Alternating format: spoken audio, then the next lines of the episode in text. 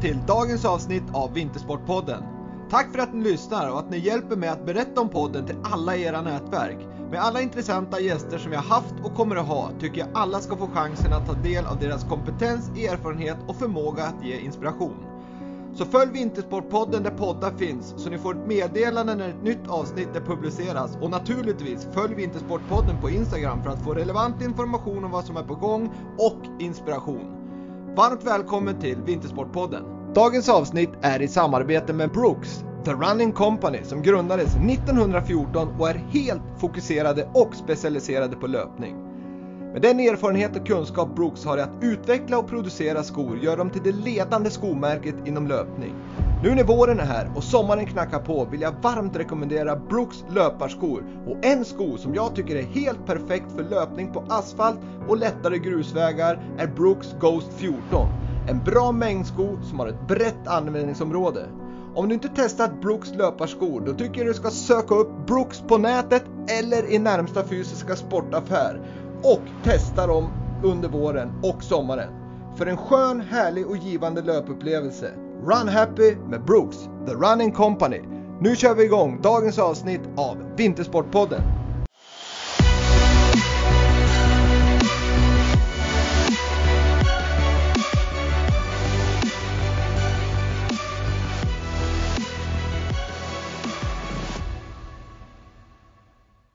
Dagens gäst i Vintersportpodden, OS och VM guldmedaljören i sprint och med en brant uppåtgående kurva i alla discipliner. Hon kommer troligen inom kort dominera som allround-åkare i framtiden. Varmt välkommen till Vintersportpodden, Jonna Sundling.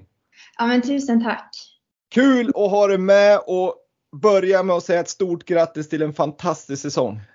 Ja men kul att få vara med och tack så mycket.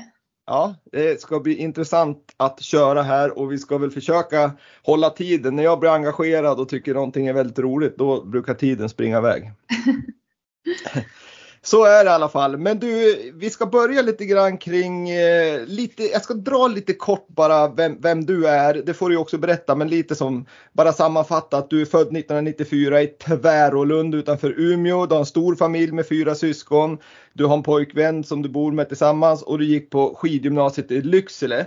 Du har tagit tre OS-medaljer varav ett guld, två VM-medaljer varav två guld, tre VM junior-VM-medaljer, ett ungdoms-OS-silver, 16 SM-medaljer, 22 platser på världskuppen. Du har två pallplatser i totala sprintkuppen och du har en otroligt brant uppåtgående kurva i alla discipliner. Hur känns det när du får höra de här äh, meriterna? Eh, ja, men det är häftigt att få, att få höra allt man har åstadkommit såklart. Och det där är mer än vad jag, jag själv har koll på nästan. För att eh, man, man, man tävlar och går vidare liksom. Eh, men det är jättekul att höra, verkligen. Men, men, men det där är ju alltid liksom när man pratar med, med idrottare så, så är man ganska uppe i det och man, man tycker jag många gånger är kanske lite dålig att fira framgångarna för att någonstans så det är lätt att det liksom bara ramlar på i vardagen och man tränar och tävlar och tränar och tävlar och liksom det går i ett hela tiden. Är det inte skönt att få ett litet break och fira och vara grymt nöjd för att sen gå vidare? Jo, men det tycker jag. Det är viktigt att liksom ändå se vad man har åstadkommit och liksom, ja, men speciellt så här, ja, men när man lyckas att ja, men bara njuta av det. För tänk vad mycket tid och ja, men, energi, träning man har lagt på det för att komma dit. Så mm. det, ja, jag tycker det är helt klart att man ska för, försöka fira. Ja, det tycker jag också. Och, och, och sen är det väl liksom en, en en balansgång också för en, oftast en duktig idrottare eller duktig i något annat också. De är ju liksom att de hela tiden vill bli bättre och kanske mm. man är kanske inte riktigt nöjd utan man kom två en världscup. Fasiken jag skulle ha vunnit istället liksom. Mm. Hur, hur, hur resonerar du där då? Nej men jag är ju en sån att jag, jag vill utvecklas hela tiden.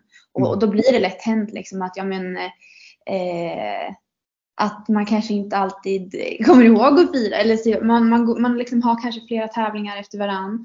Då kör man, ja men det kanske går bra, man borde kanske typ njuta lite extra men man liksom nollställer sig själv och så går man vidare till nästa tävling och så fortsätter det så. Speciellt om det liksom är en säsong eh, som det har varit nu där tävlingarna bara eh, avlöser varann. Och eh, ja, nej men eh, man, man vill ju framåt och hela tiden utvecklas jag tyckte det var roligt det där med när vi pratade om det här så ska, ska jag ta upp det och det var ju när, när du gjorde den här fantastiska sträckan på OS i stafetten, sista sträckan där du liksom hämtade upp eh, och, och ett, ett ganska stort avstånd fram till, till medaljplats. Eh, alla var helt lyriska över din insats och det första du säger, eh, det här har jag hört från, från eh, dina landslagskollegor, att det första du säger det är fan också att vi kom trea.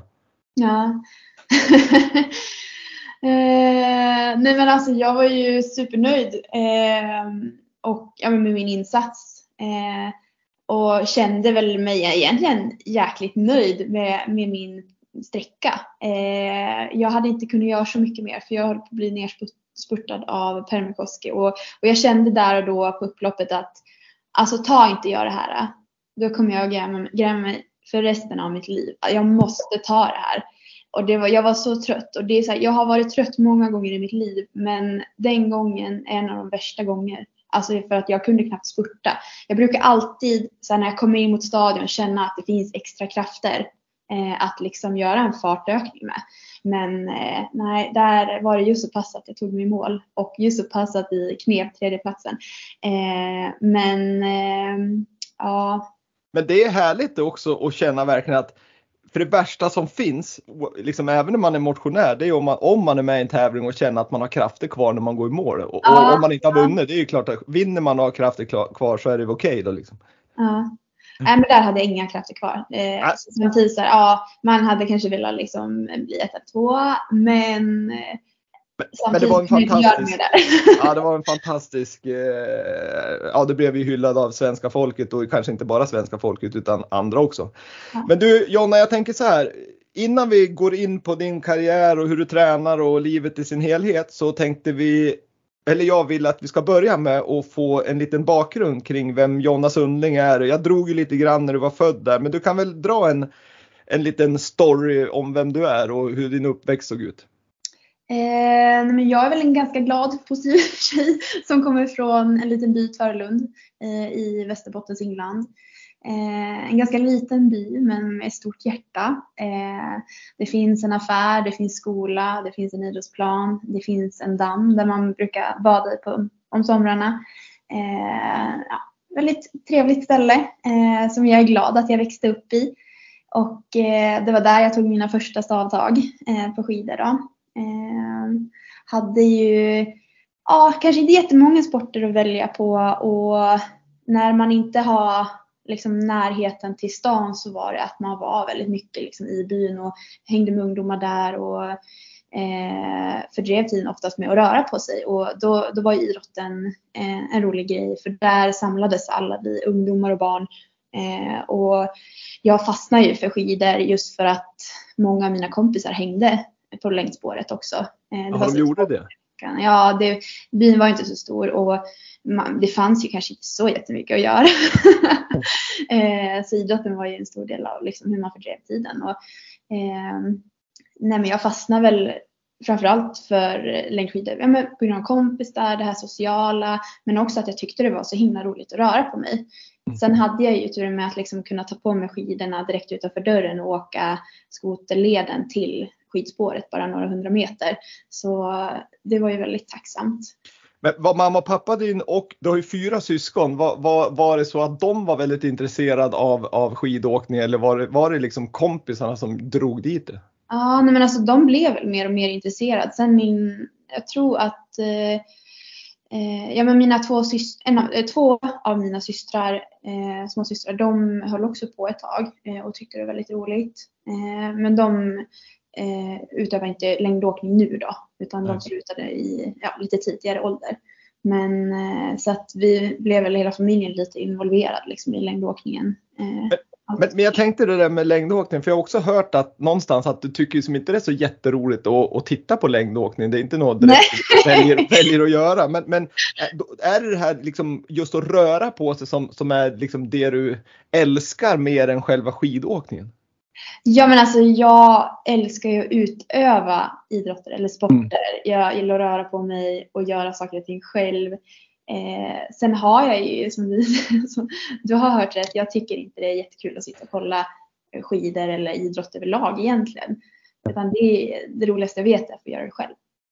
Och det är vi glada för att du tycker om att utöva i alla fall. Men jag vet också att på sidan om liksom skidåkning så spelar du fotboll vilket också tyckte var kul. Jag, jag tänker på ja. när du nämner det sociala och att du gillar det så är ju oftast i alla fall fotboll eller lagsporter mer socialt än, än kanske skidåkning. Ja, ja men det, det är det ju. Eh, I alla fall i, i liksom den åldern jag är i nu och den nivån jag är på. Men där och då när jag var liksom barn och ungdom så var det ju Alltså man var där för att ha kul. Det var ju inte träning på dödligt allvar. Liksom. Det var, man åkte dit, körde lite stafetter, ibland lite intervallträning. Så man var ju alltid tillsammans. Så på ett sätt var man ju lite som ett lag. Liksom. Så mm. det var ju väldigt socialt då. Um, sen spelade jag ju också fotboll och tyckte ju det var väldigt roligt då. Men eh, var lite bättre på längdskidor. Så det var därför det blev just skidor. Men, men sen då när du var 16 ungefär, då flyttade du till Lycksele och i skidgymnasium där. Det måste ha varit ganska skönt ändå att bara flytta sju mil hemifrån istället ja, för... det var faktiskt rätt lagom längd till Lycksele från där jag bodde.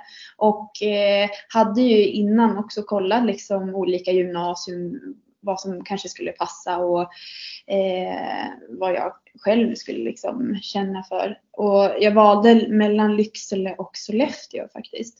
Men eh, till slut så blev det Lycksele för att det var lite närmare hem och jag kände folk där. Jag hade varit i Lycksele mer också.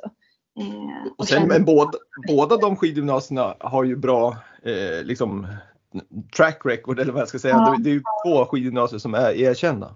Ja, exakt. Så det är två väldigt bra gymnasium. Jag tror ju att Sollefteå var lite högre rankad men jag upplevde ingen skillnad.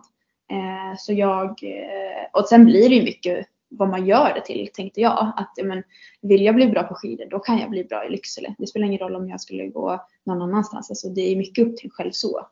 Jag menar det. Det är ju spåren är de, detsamma ungefär och, och, mm. snötillgången är ungefär lika så att jag tror att det är precis som du säger att vill man så då kan man nog bli bra vart man än är tänkte jag säga. Kanske ja. inte var som helst. Men, men med rätt stöd och, och, jag misstänker att båda skidgymnasierna har ju bra tränare med, i och med att de har ju lyckats tidigare. Så att... mm. Ja, det hade de verkligen.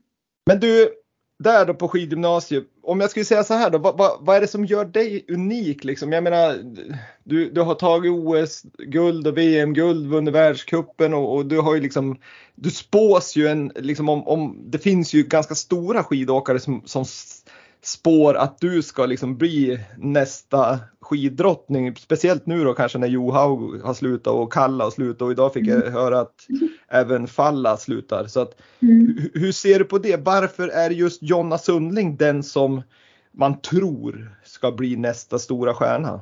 Eller ännu större stjärna kanske jag ska säga. Framförallt så tror jag väl mina resultat talar ganska mycket de senaste tävlingarna, ja, den här säsongen som har varit.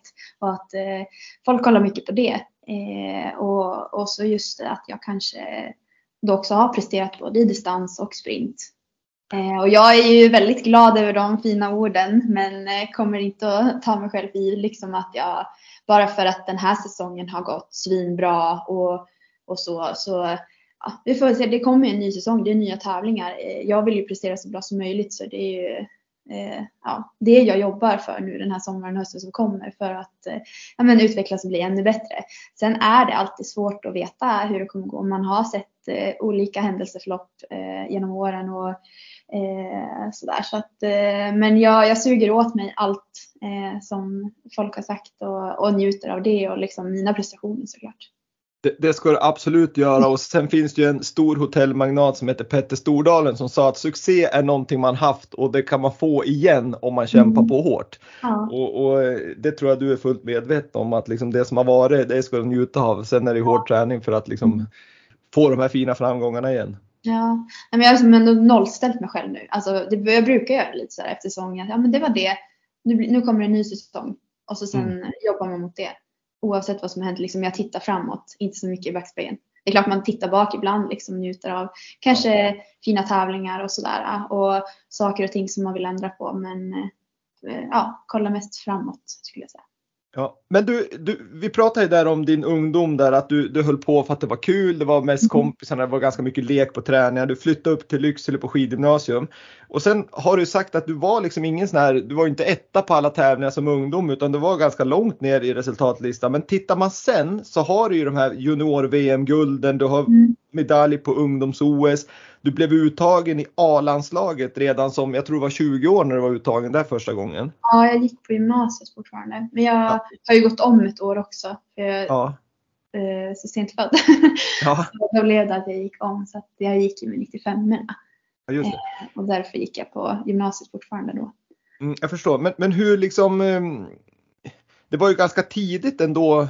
Jag tycker att från att gå att liksom inte vara någon sån här stjärna om man säger som ung till mm. att ändå utvecklas så pass snabbt och bli eh, juniorvärldsmästare. Vad, vad var det som hände där på Lycksele skidgymnasium?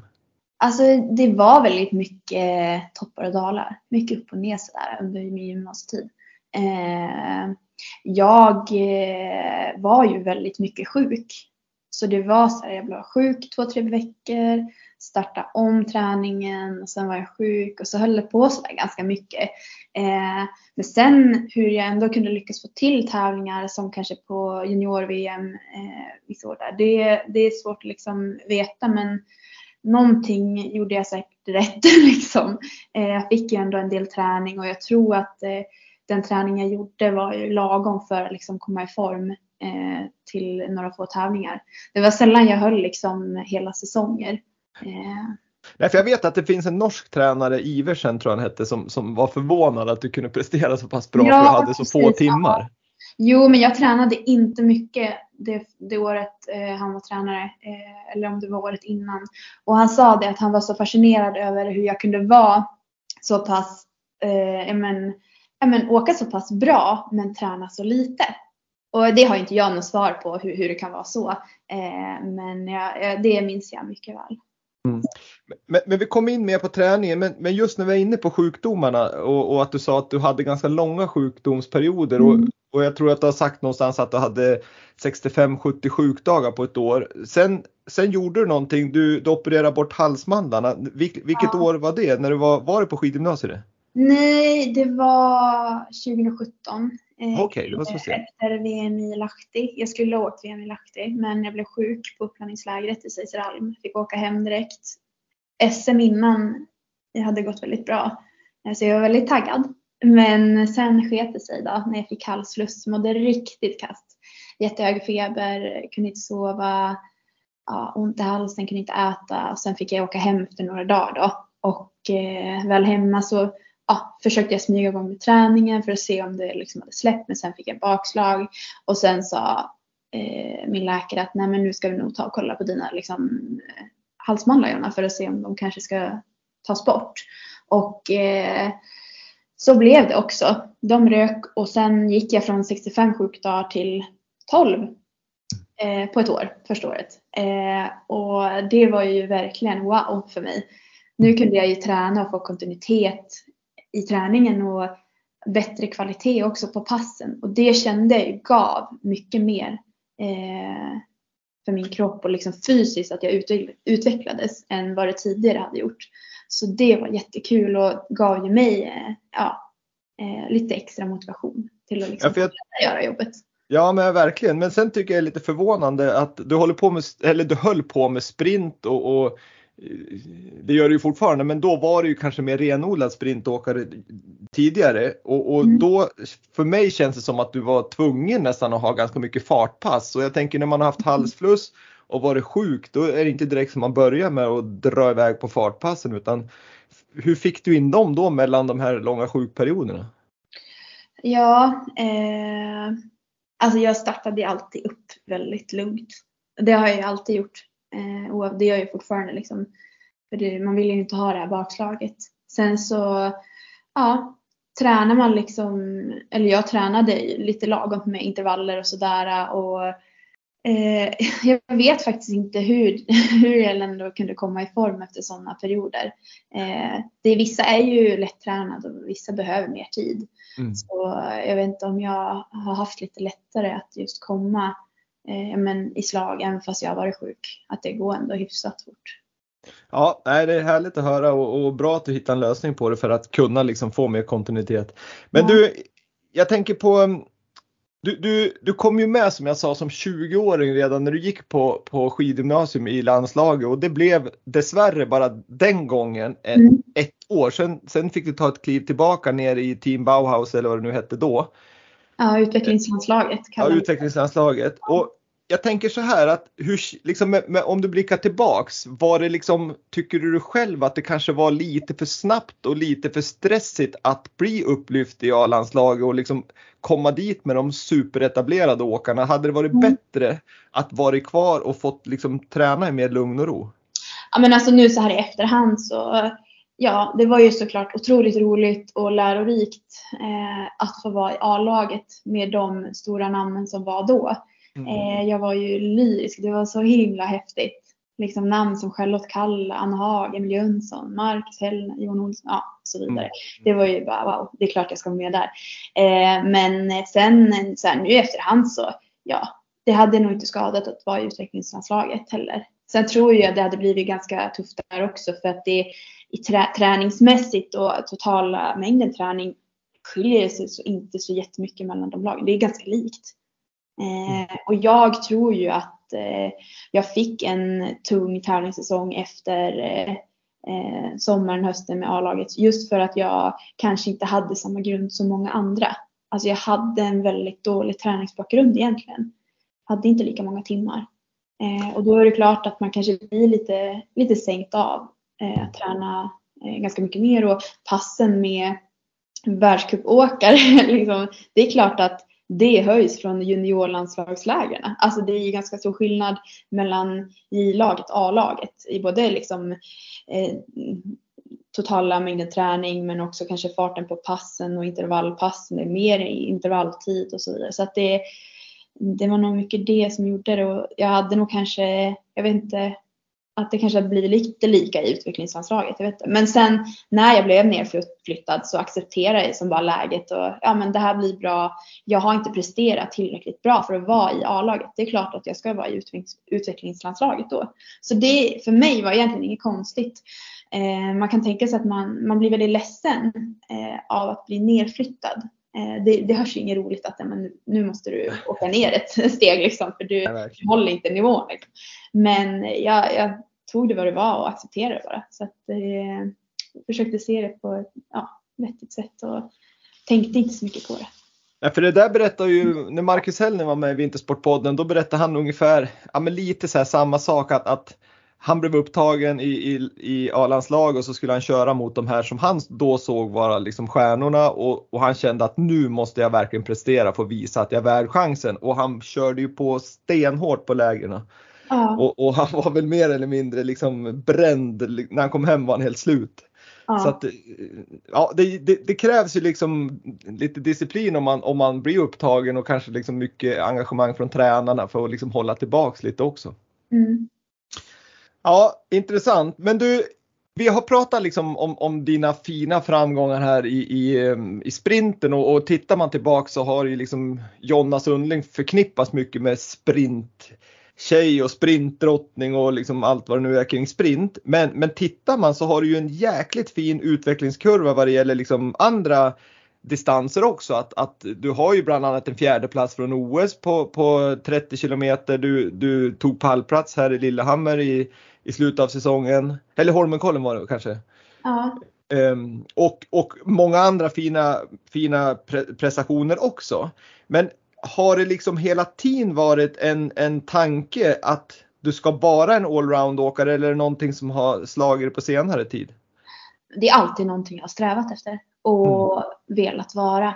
Marit Björgen har ju varit en stor förebild just för att hon har åkt eh, bra alla distanser. Hon har ju varit så grym på det viset och då har hon varit en stor inspirationskälla för mig. Eh, och jag har ju alltid liksom kanske haft den här sprintstämpeln men har ju alltid sett, alltså när jag var junior och eh, även ungdom så jag kunde ju som åka distans. Eh, mm. sen blir det ju liksom ett stort steg att gå från junior till senior och där tappade jag ganska mycket i distansåkningen men kunde ändå åka fort sprint. Eh, och även nu på senare tid så har jag ju liksom kunna åka distans. Om jag haft en bra dag med liksom bra form, bra skidor, allting liksom stämmer. Då har jag kunnat ja, men, åka till med fina lopp på längre distanser. Men eh, men som nu då, när, när du, har, du har vad du har gjort i sprinten så att säga och du, du mm. går in i en ny säsong och liksom du är ju ändå den som är nummer ett i sprint om jag, om jag ska säga så med tanke på resultaten. Är det någonting liksom, om du nu ska bli mer allround och satsa mer på, på längre distanser också. Dels hur får du liksom ihop träningen? För jag menar det skiljer sig lite åt och, och, det blir lite, är du inte rädd att det blir lite mellanmjölk på allting istället för att du blir riktigt bra i en sak så blir du semibra i allting? Ja, eh, nej men alltså vår träning innehåller ju både liksom eh, långa och korta pass och eh, korta intervaller, långa intervaller. Min träning i alla fall. Eh, och jag, det, det var lite roligt för inför den här säsongen så har jag liksom bara fokuserat på att bli egentligen bättre i sprint. För att jag såg eh, OS-sprinten som min största medaljchans. Eh, och innan det så ja, la vi alltid upp träning för att jag skulle utvecklas i både sprint och distans. Men jag fortsatte utvecklas i sprint eh, men bara ta små kliv i distans. Så då inför den här säsongen var det som bara, äh, men jag har inte tagit tillräckligt stora steg. Nu fokuserar vi bara på sprint. Liksom. Så det var det vi gjorde. Sen så nu eh, blev det ju en stor bonus för att jag lyckades ju ha ett större steg än vad jag någonsin hade vågat tro liksom den här säsongen i distansåkningen. Så det var ju himla häftigt. Jag hade ju bara drömt innan typ i somras att ja men tänk om man hade kunnat åka lika fort som Frida Karlsson eller Ebba Andersson eller Therese Johaug. Alltså alla de här ja, som åker svinfort på längre distanser. Eh, och sen då trodde jag på mig själv samtidigt som jag inte trodde på mig själv. För jag, har ju liksom, jag vet ju hur jag har åkt tidigare. Eh, men eh, kanske att jag trodde lite mer på mig själv ändå eh, än att jag inte trodde att jag skulle kunna. För jag har ändå känt liksom att ja, men jag har ju tagit små steg i rätt riktning. Och då har jag liksom känt varför skulle jag inte kunna åka som dem? Så här? Alltså, jobbar jag bara på, gör saker och ting rätt, lyssnar på kroppen då kan jag vara där. Och det är så himla häftigt hur det funkar och typ att jag lyckades och även trots en skada i början på säsongen så mm. lyckas jag vara där uppe och ta det här klivet till eh, att bli ja, men bättre i distans också. Så det, ja, det är häftigt. Ja, det är imponerande och den där fjärdeplatsen på OS, det var ju inte långt borta från en, en nej, nej, nej. Alltså jag, jag visste ju att jag låg jättebra till att jag kunde bli topp 6. Men jag var ganska trött liksom i huvudet för det blir ju, men alltså när det är på hög höjd, det är kärvt och kallt och eh, tre mil är ganska långt. Eh, och jag hade ju lite som taktik att eh, inte göra onödiga ryck. Eh, jag tänkte att små detaljer små saker kan göra mycket i längden på ett sånt långt lopp. Eh, så jag var ju så här, ja men nu ska jag våga liksom släppa över kröna om jag känner att jag har bra grejer under fötterna såklart. Mm. Annars så måste man ju ligga liksom eh, bakom i kloss. Ja. ja. Eh, men jag hade bra grejer så jag kunde ju liksom följa min taktik och det funkade ju svinbra. Men sen känner jag ändå att åh, det här det börjar ta på krafterna. Jag börjar få lite kramp i, i typ armarna och sådär. Så att eh, ja, jag tänkte bara, ja men kommer jag topp 10, det är svinbra. Då är jag svinnöjd. Men sen så bara, ja men du kan top, komma topp 6 har jag liksom mot slutet och då är det bara några kilometer kvar. Eh, jobba på, ser att jag börjar närma mig stadion och så här, alltid när jag börjar närma mig stadion då blir det som att, ja men som jag sa tidigare, jag får lite extra krafter. Eh, det finns, jag känner mig så hemma där så att eh, det är liksom kul att trycka på när man närmar sig mållinjen. Och det gjorde jag då också. Det, ja, det gick fortare än vad jag trodde jag tog ju ikapp många sekunder på de som var framför och kom till och med om många. Men att jag skulle bli fyra, det hade jag inte trott. Och när jag kom över mållinjen så fick jag lov att fråga eh, vår medieansvarig Astrid om, om hon visste vad jag blev. För jag, jag var som bara, för jag såg att det stod fyra bakom mitt namn, eller vid mitt namn. Så. Ja, ja. Eh, men jag bara, jag är så trött, jag ser säkert fel. Jag måste fråga Astrid. ja, men jag tänker då, då, jag förstår ju att du var otroligt glad då liksom och det är där du ju nu ja. också. Men, alltså det kändes har... som en pallplats. Ja, jag förstår det, men slog du det sen någon gång när du, Ja, ja, när du liksom la det på kvällen efter middagen? Jag bara, men alltså va? Hur kunde det gå så här bra? Alltså, varför tryckte jag inte på lite tidigare? Varför tryckte, alltså, det är lätt att vara efterklok och säga så. Men eh, jag gjorde mitt bästa då och jag är så glad över att jag liksom vågade följa min eh, plan och taktik och att den funkade. Och det, det var den som gjorde att jag blev fyra. Det är Mm. mitt bästa distanslopp i karriären då. Nej, för jag menar, hade du gått på lite tidigare och gjort den där som du sa, kanske någon ryck på, nå, Mm. på något krön, ja då vet man inte vad som hade hänt heller. Kanske du inte hade gått in i det väggen och Jag kanske hade kroknat i slutet då. Alltså, ja, ja, och blivit 15 istället eller någonting. man vet inte. Så jag du- är ändå nöjd. Ja, men det ska det absolut vara. Och bevisligen så, så eh, det, det kan vi ju konstatera att, att tittar vi på OS i, i eh, Peking här och tittar vi på VM i, i eh, 2021 och även VM 2019 så har du ju bevisligen varit jätteduktig och, och um, toppa formen.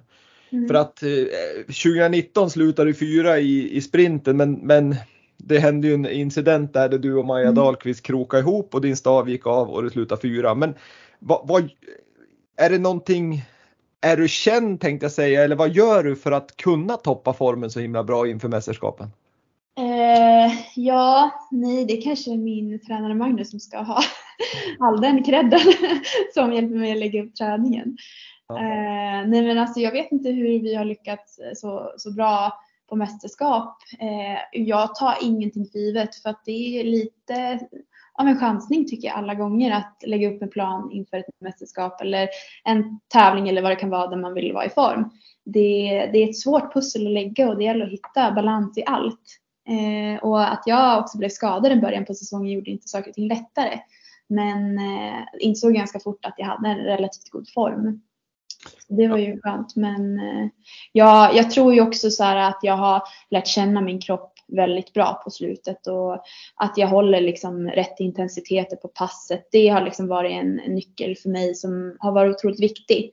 Eh, tidigare har man varit väldigt sliten om höstarna och kanske inte ja, riktigt hittat rätt.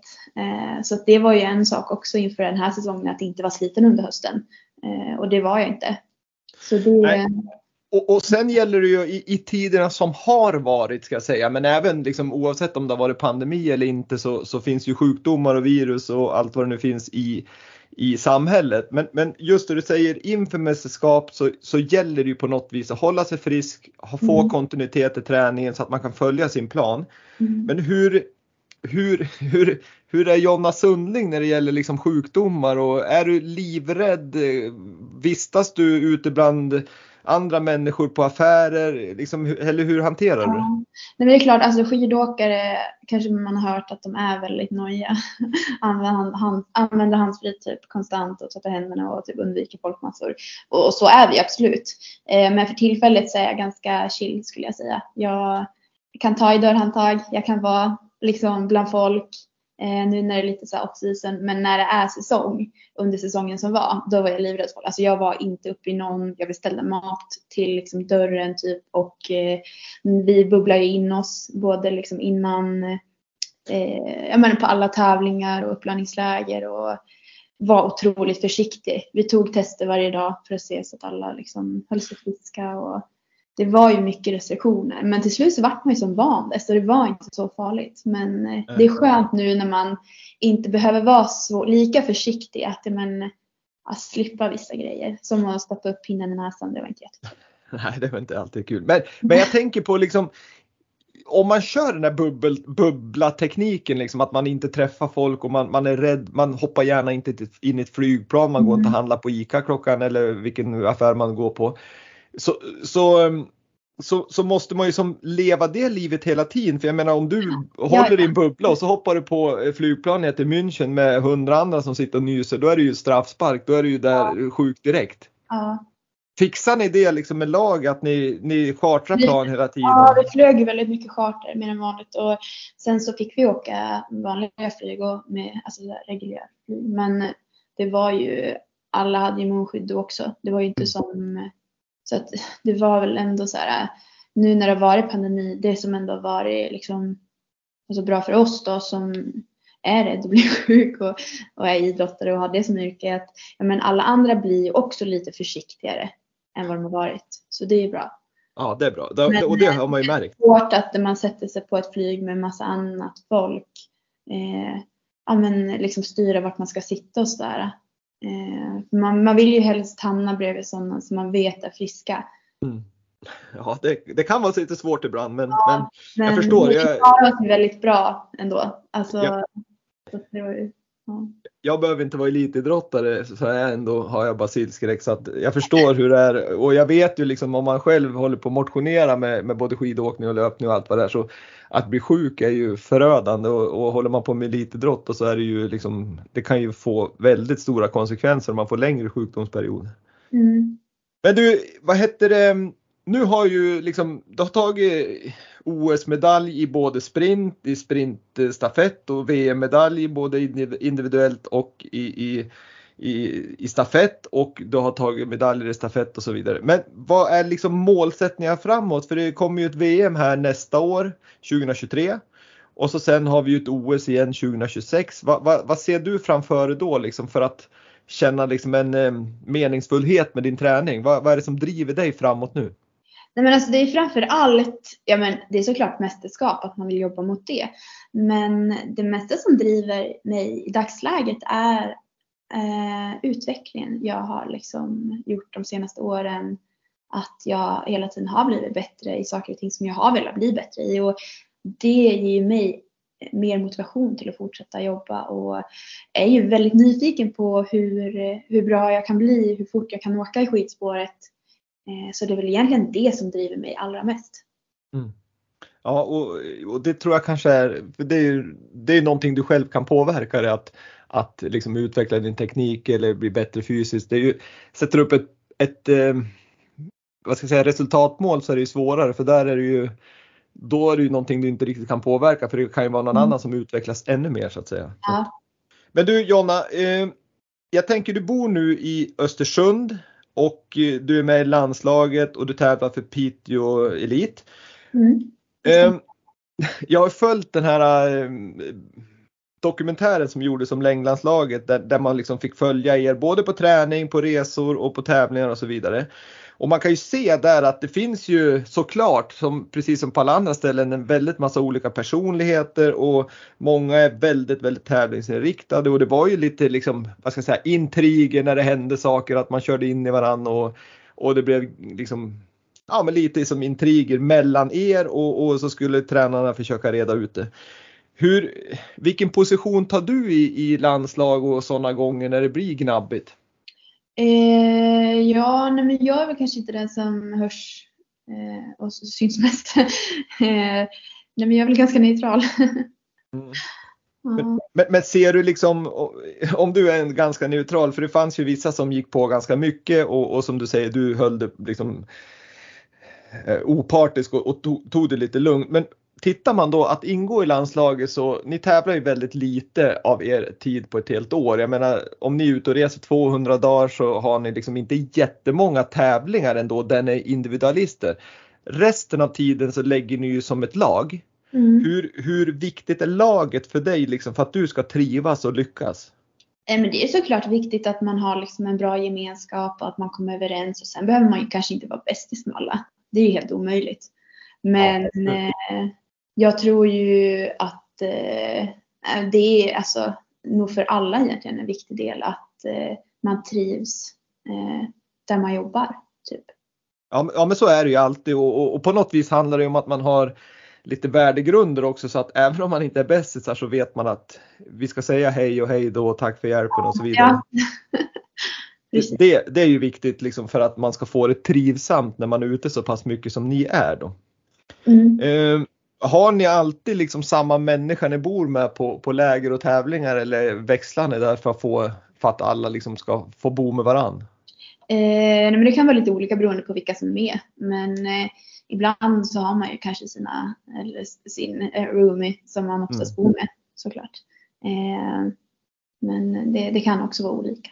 Karriären har varit fantastisk, men du har haft några tyngre perioder i, i din karriär. Bland annat då som du sa 2017 där var du ju sjuk och fick åka mm. hem från VM. 2018 blev du inte uttagen till OS. Du var skadad i någon stortåled som gjorde att du hade svårt att springa och åka klassiskt och så vidare och fundera till och med har du sagt någon gång att du kanske skulle lägga av. Men hur, hur hanterar Jonna Sundling motgångar just när du är där och då? Bevisligen också nu när du bröt handen precis i Gällivare där innan säsongs eller när säsongen drog igång. Hur, hur hanterar du det rent så här? Du tränar ju på utan stavar men mentalt kan jag tänka mig är den största problematiken jag tror ju ändå att de gånger, alla gånger jag varit sjuk under min gymnasietid, att man har lärt sig av det. Att liksom ha tålamod och inte ge upp i första taget utan man, man kämpar på eh, även de tunga dagarna. Och eh, jag tror väl det har, har hjälpt mig, eller stärkt mig mentalt. Att eh, ja, men just när det kommer hinder för mig, att ja, men jag kan behålla lugnet. Eh, tänk, försöka ja, men ändå tänka relativt eh, realistiskt och tar ju tag i oftast väldigt mycket hjälp av andra och så här, kanske diskuterat med dem vad de har tyckt var bra för mig och så. Eh, och är väl inte någon som stressar upp mig då heller. Så att eh, ja. Eh. Men, men, har du någon, eh, jag tänker nu, numera i alla fall, går du bak långt i tiden så var det ju liksom konstigt om man hade en mental tränare och idag mm. så ingår det nästan att man har någon form av mental rådgivare i alla fall. Har, har du någonting sånt och jobbar du kontinuerligt med den biten? Men inte regelbundet eh, utan bara när jag känner mig i behov av det. Oftast är det liksom innan tävling eller efter tävling. Någon gång under träningsperioden också. Sommar, höst. Eh, och då hittar du ändå sådana verktyg där du kan snabbt komma liksom, om jag får säga till ro eller till prestationsläge. För jag menar, står du där inför en sprint, det är så små marginaler när ni ger iväg och det är sex eller åtta tjejer som, som liksom fightas in i första kurvan och, och det gäller liksom att vara klar i skallen då så att man inte liksom kör på varandra eller får en stav avkörd eller någonting. Nej men det är klart, jag har ju mina eh, tricks eh, som, tycker, som jag tycker funkar väldigt bra för mig. Eh, som jag använder ja, men i tävlingssituation där jag och min mentala coach har ja, men liksom diskuterat fram eh, bra saker som just passar mig. Då. Så att eh, det har jag känt mig väldigt trygg i och ja, trivs väldigt bra med att ha någon ändå som man kan bolla med eh, om man behöver det. Ja, det är, det är ganska skönt så att man Ja men så att man kan ändå känna sig lugn om, om, om, om det faller på att man blir väldigt, väldigt, väldigt nervös. Ja, ja verkligen. Men du, det var det mentala, men fysbiten då, alltså den fysiska träningen, eh, så vet jag att de flesta längdåkare och uthållighetsidrottare som överlag tränar ju väldigt, väldigt mycket mängd. Hur, hur ser din liksom fördelning ut? För vi var inne på det tidigare att du kör både liksom distanser och du kör även sprint. Vad mm. är det liksom nu när du kör båda, vad är det du liksom får ge vika till? Om, om man tar en sprintspecialist som bara kör sprint, vad kör den mer av än dig som måste ändå köra den andra träningen också? Alltså i grund och botten så tror jag upplägget eh, är ganska likt, liksom att det är mycket kanske A1, att det är den större delen av eh, träningen, alltså lugna pass. Mm att sen kom, tillkommer intervaller. Men skillnaden tror jag kan vara då att distansåkare kanske kör lite mer eh, intervalltid, kanske lite längre lugna pass. Att deras totala mängd träning blir lite mer. Men att man egentligen tränar ganska likt i liksom, ja men procentuellt hur mycket intervallpass man har och eh, A1-pass och styrka. Mm. Mm. Det... Och styrkan ligger också ungefär lika oavsett om man är sprintåkare eller om man är distansåkare? Men det är jätteindividuellt. Det är svårt att säga. Eh, jag själv tränar oftast två pass i veckan styrka. Mm. Sen kanske några som bara kör ett pass eller folk som kör två pass och bålpass. Det är ju väldigt individuellt. Ja. Och sen delar du upp det som klassiskt att på vår och sommar kör du ganska mycket A1, alltså lugna pass. För att sen ju närmare säsongen och under säsong så blir det såklart lite tvärtom att du har mer eh, A3 pass eller intervallpass än de här lugna passen. Ja, men mot hösten som säger så blir det mer A3 pass, A3 plus pass. Eh, och det är liksom intervaller då för att, lite mer sånt för att komma ja, men, i fas liksom med tävlingssituation till Eh, när säsongen drar igång. Precis. Eh, en fråga som jag alltid liksom brukar ställa till såna här uthållighetsidrottare det är liksom att hur, hur lyckas du mentalt? Jag vet att många tycker att ja, men en, en som jobbar på ett vanligt jobb jobbar i åtta timmar och då tycker man att en idrottare också kan, liksom att de bara tränar fyra timmar på en dag så borde det vara semester fyra timmar. Men, men det är ju liksom grejen som jag liksom tycker är imponerande det är att man som du kanske kör fyra timmar själv i en skog i november där det är mörkt och det är kallt och det blåser och så vidare. Vad är det som driver dig då under träningarna? Är det liksom, ser du de här medaljerna framför eller vad, vad är det du tänker på? Eh, men jag vill ju se utveckling. Jag vill ju bli bättre. Så det är det som driver mig. Och eh, jag tycker det är väldigt härligt att röra på mig, att vara ute i naturen och i den friska luften. Eh, jag brukar fundera ibland, undra om jag skulle ha haft ett vanligt jobb och sitta på kontor så tänker jag lika fort att nej, det vill jag verkligen inte. Jag trivs så bra det är just nu i skogen, ute och springer tre timmar, nollgradigt och regn. Alltså även fast det är skitväder så nej, jag tar det hellre.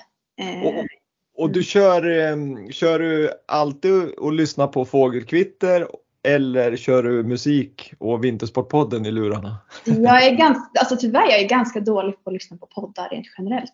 Okay. Ibland kan jag få för mig att eh, lyssna lite grann. Eh, men ja, det är lite det är, ja, perioder liksom. Mm. Eh, och ibland musik. Men ofta så har jag inte så mycket i öronen när jag är ute och tränar. Eh, de gånger jag har det är jag trött eller sliten. eller liksom ja. bara känner mig lite sällskapssjuk.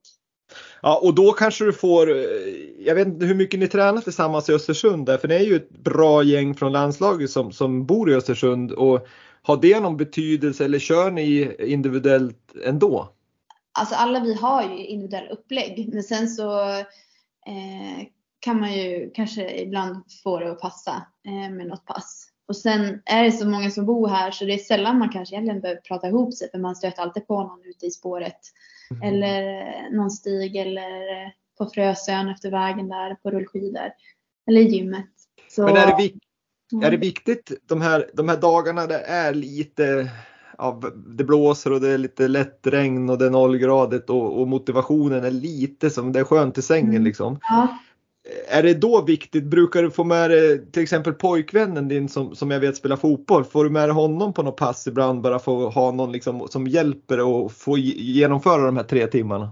Ja men absolut, han kan ställa upp och, och vara träningssällskap ibland och tycker ju själv det är väldigt roligt att röra på sig och har ju spelat mycket fotboll och har ju fått mer smak för skidåkningen också. Eh, så det är kul att eh, han vill följa med ibland och vissa intervaller har jag till och med fått med han så att det är kul. Ja, men det... det är lättare om man är två kanske, om det är, eh, är man kanske en sämre dag med vädret och ja, ta sig ja, det, och liksom ja, men... skapa lite motivation för att vara ute i tre timmar. Ja men absolut, så är det ju definitivt. Det, det, var en snäll pojkvän som, som är med och kanske han, han får ju mycket ut av det och få träna med en av ab, världens absolut bästa längdåkare. Det, det, det, skulle ju vara nästan förmånsbeskattning på. Mm. Hörru du, eh, vi har pratat fys, vi har pratat mentalt. En annan viktig sak som jag tycker är ju kosten. Och det har ju varit lite diskussioner kring liksom kost och, och framförallt kanske uthållighetsidrotter och, och då snackar vi liksom att det är lite för lågt energiintag i förhållandevis till hur mycket som går ut då. Ja. Det är min första fråga. Hur hanterar du det liksom för att få i det tillräckligt så att du inte liksom vad ska jag säga, så du inte drabbar din, din kropp och din träning? Eh, mitt motto är ju att jag ska äta tills jag blir mätt och lite till. Eller mycket till. Alltså äta jäkligt mycket. Mycket mer än man tror. Och tränar man mycket, man behöver äta mycket. Det är bara så det är. Och det här problemet med energiintaget har ju alltid funnits. Det är ju inte något nytt. Eh, så att eh, det är någonting ändå man har eh, redan för mig i gymnasiet så gick man igenom att det var otroligt viktigt. För jag ser mig själv lite som en bil också. Så, ja, men har man inte tillräckligt med bränsle då tar du inte särskilt långt. Alltså, det, Nej, verkligen inte. Man måste ju vara fulltankad. Har ni bra stöd där? För jag vet ju att eh, som du som ingår i de här eh, SOK, alltså Svenska Olympiska Kommitténs topp och talangprogram, vet jag, där finns det ju stöd för, för kosten och säkert har ni landslaget väldigt bra stöd också. Men, men är det mycket ni pratar om, dels vad ni ska äta och hur mycket ni ska äta? Eh, ja, men vi har dietister som kommer och pratar för oss eh, varje år och som följer med oss på läger och sådär. Så att eh, Eh, men jag tycker väl att vi har väldigt bra stöttning. Eh, sen är det mm. svårt. Jag har aldrig liksom varit i den situationen heller att jag eller jo, jag har ju varit, man har ju känt att man har varit låg flera gånger och att man känner att ja, men nu hade jag egentligen behövt äta mer eller typ att man är sliten. Alltså självklart. Men det har aldrig gått så långt för mig att jag har behövt eh, söka den formen av hjälp så. Men sen har jag ju ändå diskussioner med dietist och läkare under ja, men kanske sommar, höst och, och vinter för att bara liksom vara på den säkra sidan. Ja, och det är ju jäkligt bra det, så att man, så att man all den träning man lägger ner tänker jag, liksom, då, då vill man ju inte att det ska förstöras på grund av att man äter fel eller för lite eller någonting. Nej, nej verkligen inte. Men du, sen är det en annan sak som, som, som du har som, som är lite också speciellt. Det är det att du har allergi i form av laktos och glutenintolerans va? Ja, alltså jag äter inte mjölkprotein och gluten eh, och är bara känslig. Eh, ja. Jag har inte celiaki eh, men jag är känslig mot gluten och mjölkprotein var jag väldigt allergisk mot när jag var liten och eh, mår inte särskilt bra av det nu om jag skulle äta det. Får lite ont i magen men jag är inte så här eh, superallergisk så att jag måste åka in på sjukhuset.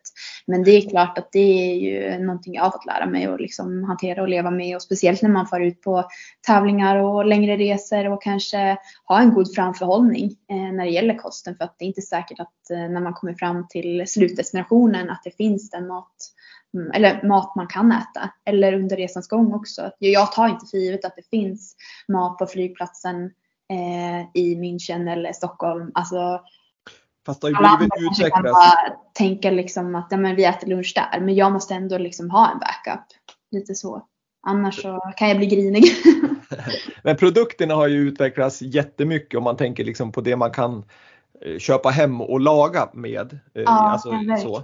Men sen så har det blivit mer och mer naturligt också att det finns de här alternativen när man är ute och, och, och reser och sådär. Men mm. här tänker jag att landslagen när ni är ute så måste de väl alltid se till att, att, att det är bokat så att säga till dig och kanske andra också som har problem. Ja, jo, det, det är klart att man bokar och meddelar att men, de här har allergier. Det är viktigt att de får rätt kost liksom. Men det är många missförstånd som det har blivit genom åren och folk som kanske inte förstår hur allvarligt en allergi kan vara.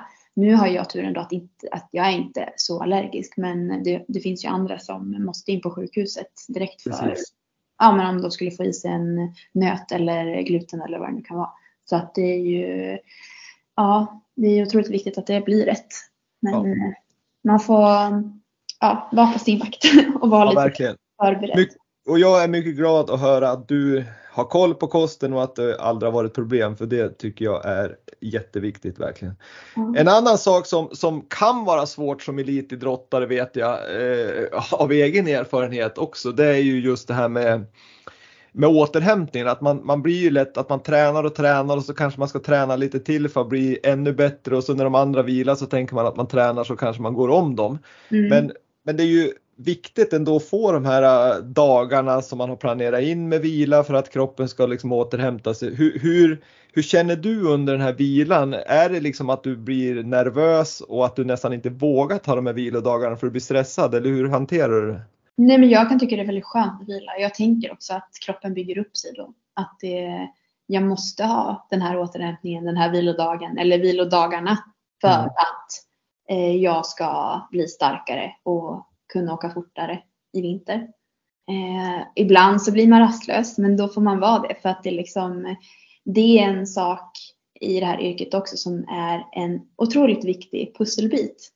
Eh, slarvar man med återhämtningen så blir det inget bra. Blir, man blir sliten och trött och träningen är inte på samma sätt. Nej, för jag har hört några som, som liksom, ja men idag har jag vila så jag åkte bara ut lite lugnt i två timmar. Men, mm. men det, det blir ju inte riktigt vila för det är ju dels är det den fysiska vilan men sen tror jag det är även bra rent mentalt att kanske göra ja, någonting ja. annat. Ja, Verkligen. Jag tror ju att det är viktigt att eh, försöka hålla en bra balans. Att, ja, men, att inte när man är sliten och trött att man tar vilan då. För då känns det som att det är för sent. Precis. Men du, jag måste gå tillbaks till, till liksom det här just teamet runt om dig. Du har ju en som hjälper dig med fysupplägget, du har en mental eh, rådgivare, du har lite grann någon som kommer och hjälper dig med kosten emellanåt. Sen vet jag att du har en fantastisk media manager i Torbjörn Nordvall som jag tycker gör ett väldigt, väldigt bra jobb. Och så sen tror jag du har Perry Olsson som, om man säger, din vallare i landslaget.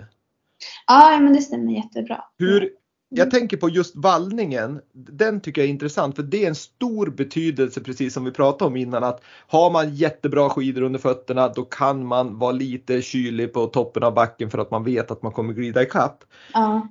Hur, hur hanterar det? Jag vet ju att ett vallateam med Perry, han ingår ju med Myrback och de här i ett team. Men, men hur mycket smyger ni med era skidor eller liksom är det helt öppet mellan åkarna? För hur det än är så ska ju du och Ebba och Maja och allihopa tävla mot varandra sen. Eh, ja, men alltså vi har ju samma grejer under skidorna. Sen har Mm. man ju olika skidor, olika märken. Eh, Ja men äger du dina skidor om jag säger för det är inte så att skidförbund, här har vi 20 stycken eh, av, av ett skidmärke och här har vi 20 av ett annat skidmärke och ni som åker på det här skidmärket då är det liksom inget av de paren är era utan vi testar ut bara eller hur funkar det? Nej men alltså vi eh, får ju skidor, vi har ju egna skidparker.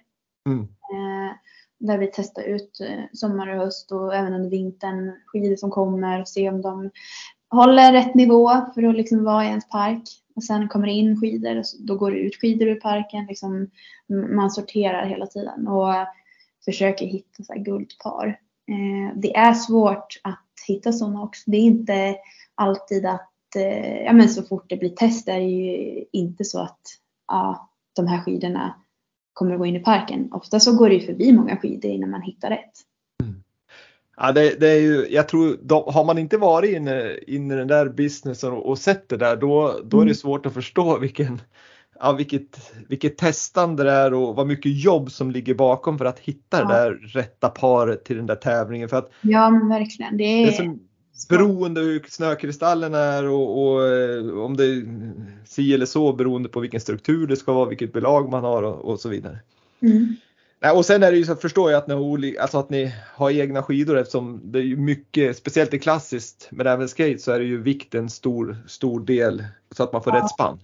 Ja men verkligen. Alltså, vi har ju cirka 40 par skidor i lastbilen varje åkare.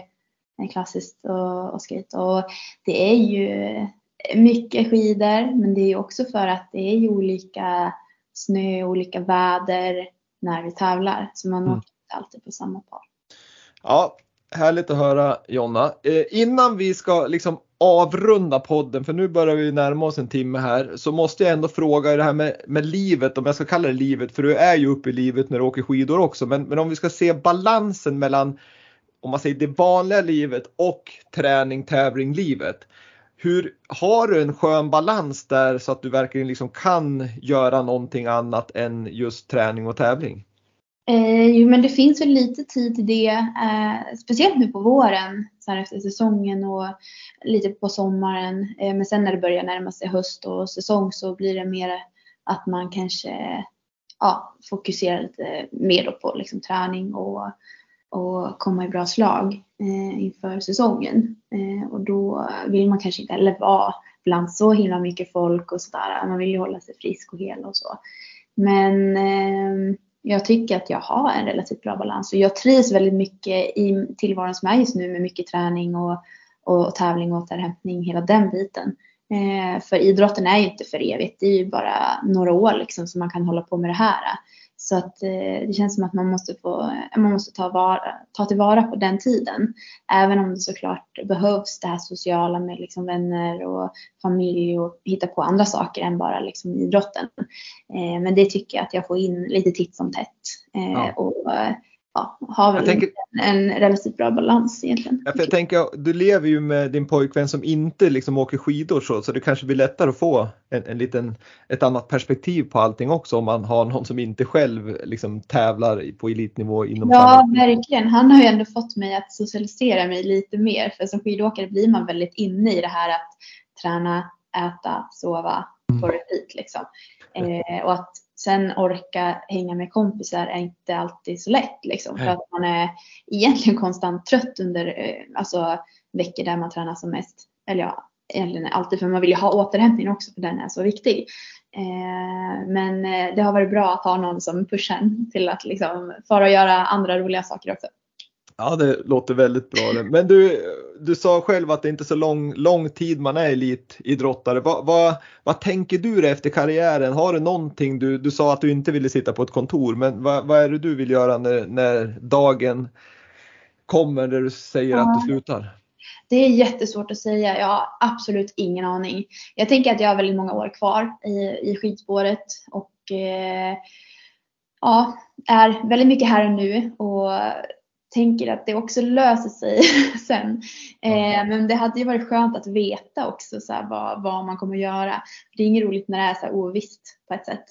Eh, men jag vet faktiskt inte eh, vad, jag, vad jag vill hålla på med. Det är svårt att säga i dagsläget.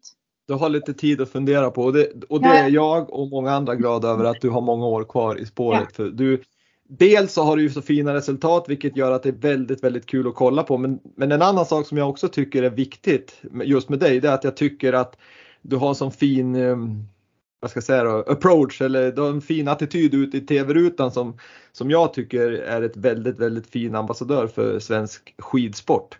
Mm. Ja, men vad kul att höra.